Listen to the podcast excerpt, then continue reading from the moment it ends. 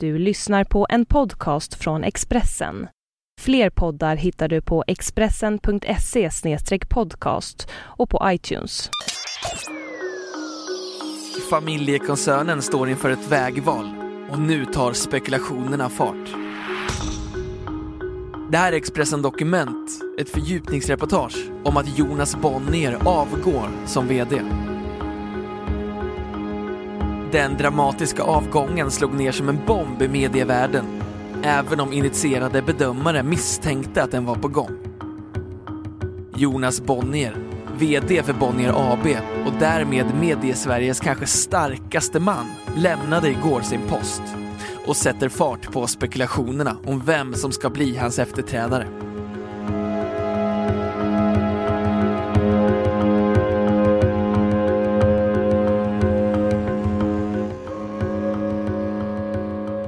Familjen Bonnier har en unik ställning i den svenska medievärlden.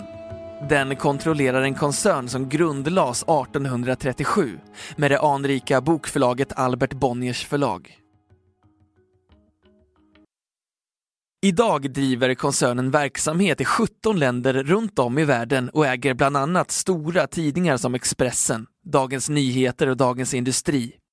TV4-gruppen, delar av SF Bio och en rad andra företag som tillsammans har ett enormt, ofta dominerande inflytande på medierna.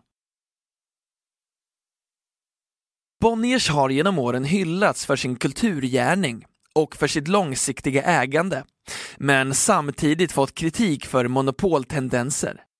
Bedömare noterar att monopolkritiken klingat av lite under senare år i takt med att internationella digitala jättar som Facebook och Google tar ett allt fastare grepp om informationsflödet. Istället har mycket av kritiken fokuserats på VD Jonas Bonniers sätt att leda koncernen. Medieexperter anklagar honom för misslyckade storaffärer som lett till betydande förluster. Till exempel inköp av tv-kanalen Kanal Plus, numera Simor för 3,5 miljarder kronor och inköpen av tidskrifter i USA för 3 miljarder. För dessa bedömare kommer inte hans avgång som en överraskning, även om koncernledningen förnekar att den hänger ihop med förlustaffärerna. Jag tycker att kritiken mot Jonas Bonnier har varit korrekt. Mycket han har tagit i har blivit fel. Kanal Plus och magasininköpen i USA är de största misstagen säger Viggo Kavling, medieentreprenör och författare med ett förflutet i Bonniersfären som chefredaktör och VD på Resumé. Bonniers sitter kvar i gamla strukturer. Uthållighet och långsiktighet anses vara bra, men de tio största varumärkena idag är bara några år gamla, som Google och Apple, säger han. Jonas Bonnier har spelat en ledande roll i Bonnier AB i nära tio år. Han blev vice VD 2004 och VD fyra år senare. Tidigare arbetade han bland annat som journalist och skrev en rad romaner. Han förnekar att avgången har att göra med dåliga affärer och ser den istället som en chans att återuppta skrivandet. Men siffrorna talar ändå sitt tydliga språk. I fjol sjönk Bonniers omsättning med 2% till 29,2 miljarder kronor.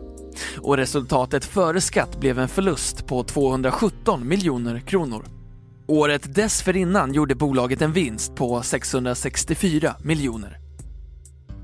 Huvudparten av försämringen jämfört med föregående år härrör från resultatnedgången i de under tidigare år mycket lönsamma bok och broadcastingverksamheterna skrev Bonnier när bokslutet presenterades. Tidningen Medievärlden berättar att Jonas Bonnier skulle kunna ha stannat på sin post längre om Bonnier-företagen inte brottats med så stora problem.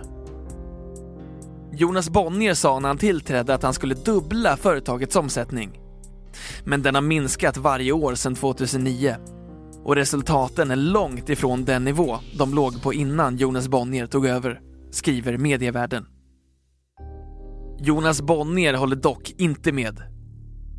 Det här känns som ett bra tillfälle. Verksamheten går hyggligt. Den nya organisationen är på plats och vår finansiella ställning är starkare än på många år, säger Jonas Bonnier. De affärer jag får kritik för var strategiskt riktiga, men vid fel tillfällen. Vi kunde ha fått ett bättre pris, men de två affärerna var bara en liten del av alla våra affärer, säger han. Han får stöd av sin släkting och styrelseordförande Carl Johan Bonnier. Jag beklagar att Jonas lämnar jobbet, men jag har förståelse för det. Det är ett utsatt jobb. I tio år har han haft ett väldigt ansträngande arbete. Timingen är hygglig. Jonas har under senare år konsoliderat och förbättrat verksamheten. Han har det sista året stärkt vår finansiella ställning. Vi har pengar i kassan, säger Carl Johan Bonnier.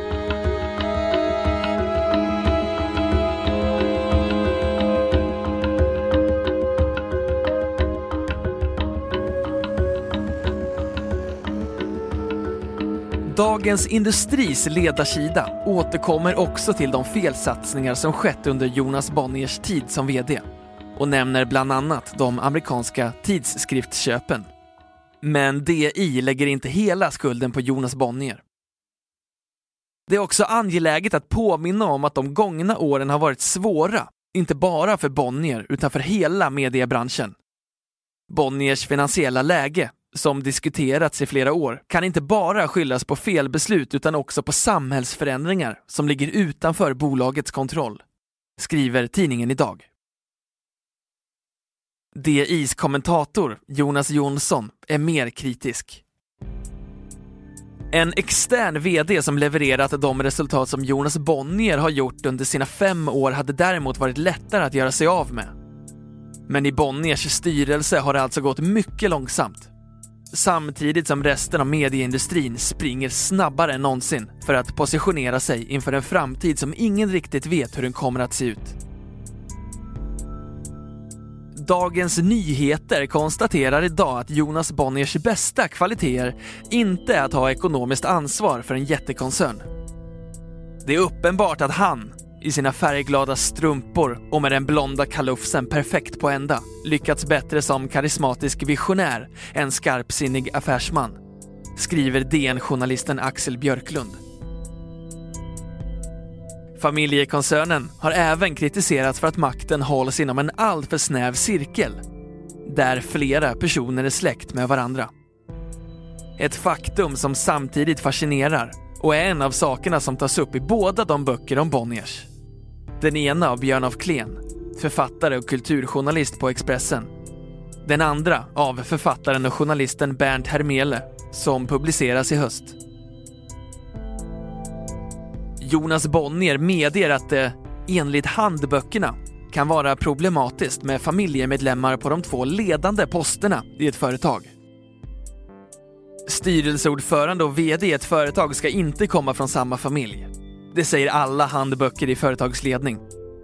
Vi har haft det de senaste sex åren och klarat det alldeles utmärkt, säger han. Nu spekulerar branschmedier om vem som ska ta över vd-posten. Medieexperter talar om tre huvudlinjer när det gäller kandidater. Nummer ett. Någon inom familjen. Nummer två. En intern kandidat från Bonnierkoncernen där nämns Gunilla Herlitz, VD för Dagens Nyheter och ansvarig för affärsområdet News Sweden hos Bonnier. Och Kasten Almqvist, VD på TV4. Nummer tre, externa namn. I diskussionerna förekommer namn som Arne Karlsson, tidigare VD på Ratos och nu i Bonniers styrelse, och Daniel Sachs, VD på Proventus och tidigare styrelseordförande i TV4. Stalltipset är Gunilla Herlitz eftersom hon har god förankring hos ägarna, säger en person med god inblick i branschen. Nu driver koncernen utan roder till släkten hittat en ny VD. En Bonnier ska inte rapportera till en Bonnier. Det var en god princip som tillämpades under en tid och tillförde ägarsläkten extern kompetens på högsta ledningsnivå, skriver mediebevakaren Leif Holmqvist på mediesajten Resumé. Han förklarar att den starkaste interna kandidaten är Gunilla Herlitz, som har att hantera det svåraste affärsområdet, de gamla papperstidningarna. Svenska Dagbladets kulturchef Daniel Sandström, fokuserar också på de svårigheter som nästa VD kommer att möta. Bonnier ställs nu inför liknande utmaningar på alla de områden som han tidigare dominerat. Inom böcker, tv, magasin, film och tidningar. Det går inte att ta intäkterna för givet. Det betyder att nästa koncernchef lär bli en avvecklare. Vi lär höra en del om, citat, kärnverksamheten, slutcitat. Bedömarna är ense om en sak. Det blir inte någon ny Bonnier på vd-posten när Jonas Bonnier avgår vid årsskiftet. Koncernens styrelseordförande, Carl Johan Bonnier, förklarar att citat, det är mycket osannolikt att nästa VD tillhör familjekretsen. Slutcitat.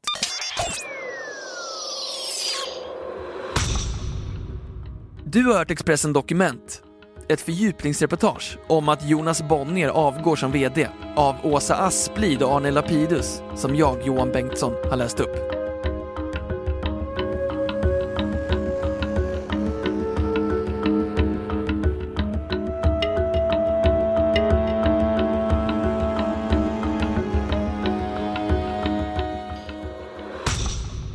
Du har lyssnat på en podcast från Expressen. Ansvarig utgivare är Thomas Mattsson. Fler poddar finns på Expressen.se och på iTunes. Ett poddtips från Podplay. I podden Något Kaiko garanterar östgötarna Brutti och jag, Davva, dig en stor dos skratt. Där följer jag pladask för köttätandet igen. Man är lite som en jävla vampyr. Man har fått lite blodsmak och då måste man ha mer. Udda spaningar, fängslande anekdoter och en och annan arg rant. Jag måste ha mitt kaffe på morgonen för annars är jag ingen trevlig människa. Då är du ingen trevlig människa, punkt. Något Kaiko, hör du på Podplay. Därför är gardinerna.